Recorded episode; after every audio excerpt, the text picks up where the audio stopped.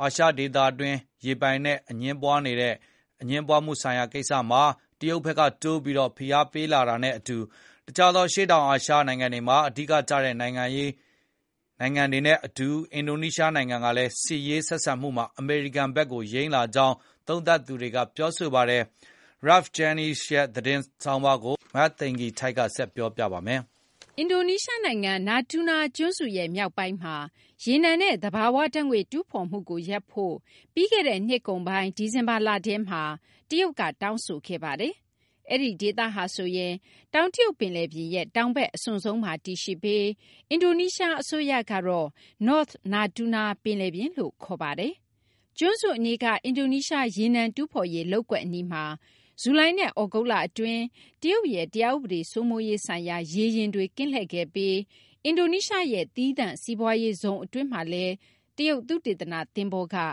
ပင်လယ်ကြမ်းပြင် သုတေသန လုပ်ခဲ့ကြောင်း အမေရိကန် အခြေစိုက် Asia Maritime Transparency Initiative က ပြောပါတယ်။တရုတ်က အရင် သမိုင်းကြောင်း မှတ်တမ်းတွေကို ကိုးကားပြီး စတုရန်း ကီလိုမီတာ ၃ ဒသမ ၅ သန်း ကျယ်ဝန်းတဲ့ တောင်တရုတ်ပင်လယ်ပြင်ရဲ့ ၉၀ ရာခိုင်နှုန်းလောက်ကို သူပိုင်တယ်လို့ ပြောဆိုနေတာပါ။အရှေ့တောင်အာရှ ၄ နိုင်ငံနဲ့ ထိုင်ဝမ်တို့ကလည်း တရုတ်ဘက်က ပိုင်တယ်လို့ ပြောထားတဲ့ ဒေသတွေရဲ့ တစိတ်တပိုင်း ဒါမှမဟုတ်လည်း အားလုံးကို သူတို့ပိုင်တယ်လို့ ပြောနေကြပါတယ်။ အင်ဒိုနီးရှား တပ်ဖွဲ့တွေနဲ့ အမေရိကန် စစ်တပ်တို့ကြား နှစ်စဉ် ကျင်းပတဲ့ Garuda Shield စစ်ရေးလေ့ကျင့်မှုတွေမှာ ဒီနှစ် အတွက်တော့ နိုင်ငံပေါင်း ၁၄ နိုင်ငံထိ တိုးချဲ့မယ့် အကြောင်း ပြီးခဲ့တဲ့ သီတင်းပတ် အတွင်း အင်ဒိုနီးရှား စစ်တပ်က ကြေညာခဲ့ပါတယ်။သြဂုတ်လ ၁ ရက်နေ့ကနေ ၁၄ ရက်နေ့ထိ ကျင်းပမယ့် ဒီနှစ် စစ်ရေးလေ့ကျင့်မှုဟာဆိုရင် အင်ဒိုနီးရှားမှာ လုပ်တဲ့ အကြီးမားဆုံး စစ်ရေးလေ့ကျင့်မှု ဖြစ်ကြောင်း GBP Aerospace and Defense သတင်းဝက်ဘ်ဆိုက်ကဖော်ပြပါတယ်။အငြင်းပွား ပင်လယ်ပြင်မှာ တရုတ်ရဲ့ ခြိမ်းခြောက်မှုတွေ ထွက်ပေါ်လာချိန် အင်ဒိုနီးရှားဘက်က အမေရိကန်နဲ့ တခြားသော အနောက်မဟာမိတ်တွေကို စစ်ရေး ထောက်ကူသူတွေအဖြစ် ပိုပြီး သဘောထားလာနေတယ်လို့ သုံးသပ်သူတွေက ပြောပါတယ်။သြစတြေးလျနိုင်ငံ New South Wales တက္ကသိုလ်က ဂုဏ်ထူးဆောင် နိုင်ငံရေးသိပ္ပံပါမောက္ခ Karl Thayer က အခုလို ပြောပါတယ်။“ ဒီအချက်ကြောင့်လည်း အင်ဒိုနီးရှားက အမေရိကန်နဲ့ တခြားသောနိုင်ငံတွေကို အခုလို ရှုမြင်လာတာဖြစ်ပြီး အထူးသဖြင့် အမေရိကန်ကိုတော့ တရုတ်အပေါ် တန်ပြန်ထိန်းညှိတဲ့သဘောမျိုး ဖြစ်ပါတယ်။”နိုင်ငံရဲ့ ရေကြောင်းသွားလာမှုဆိုင်ရာ လုံခြုံရေးနဲ့ နိုင်ငံရဲ့ ရေပြင်နယ်နိမိတ်ကို အကာအကွယ်ပေးရေးမှာ ပိုပြီး ခိုင်မာအားကောင်းစေမှု အပါအဝင် ပြည်တွင်းနဲ့ နိုင်ငံခြားရေး မူဝါဒတွေကို ပြောင်းလဲပြီး အိန္ဒိယ သမုဒ္ဒရာနဲ့ ပစိဖိတ် သမုဒ္ဒရာကြားမှာ အင်ဒိုနီးရှားဟာ ကမ္ဘာတလွှား ရေကြောင်းသွားလာမှု အချက်အခြာဖြစ်လာမယ်လို့ သမ္မတ Joko Widodo က ၂၀၁၄ ခုနှစ် အတွင်းမှာ ပြောပါတယ်။အဲဒီနောက်ပိုင်းမှာတော့ ကျွန်းပေါင်း ၁၇,၅၀၀ ကျော်နဲ့ ဖွဲ့စည်းထားတဲ့ အင်ဒိုနီးရှား နိုင်ငံရဲ့ ကမ်းခြေစောင့်တပ်က တရုတ် အပါအဝင် တခြားသော နိုင်ငံတွေက တရားမဝင် ငါးဖမ်းသင်္ဘောတွေကို မောင်းထုတ်တာ၊သိမ်းယူတာတွေ လုပ်ပါတယ်။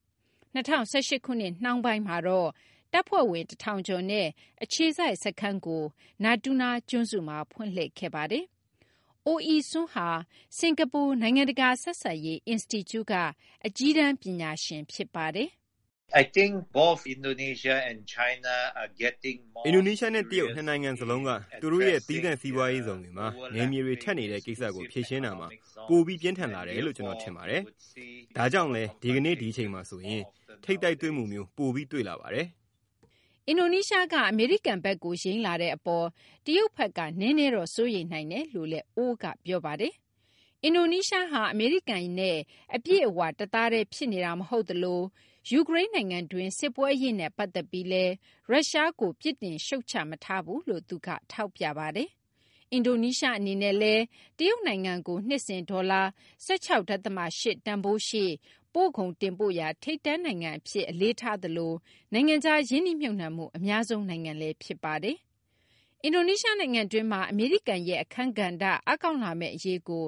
အင်ဒိုနီးရှားမွတ်စလင် လူထုက ကန့်ကွက်နိုင်တယ်လို့လည်း ဂျကာတာက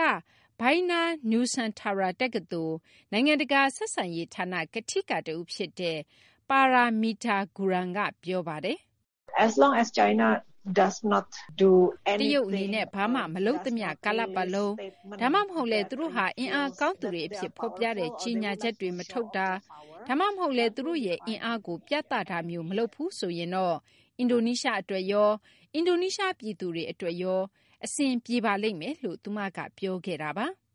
တရုတ်ကို သတိပေးတဲ့ အနေနဲ့ အမေရိကန် ရေတပ်ရဲ့ စစ်သင်္ဘောတွေဆေးလွတ်နေတဲ့ ကိစ္စကိုတော့ ပင်လယ်ပြင် ရေပိုင်နဲ့အငင်းပွားမှုမှာ ပါဝင်ပတ်သက်နေတဲ့ အရှေ့တောင် အာရှ နိုင်ငံတွေက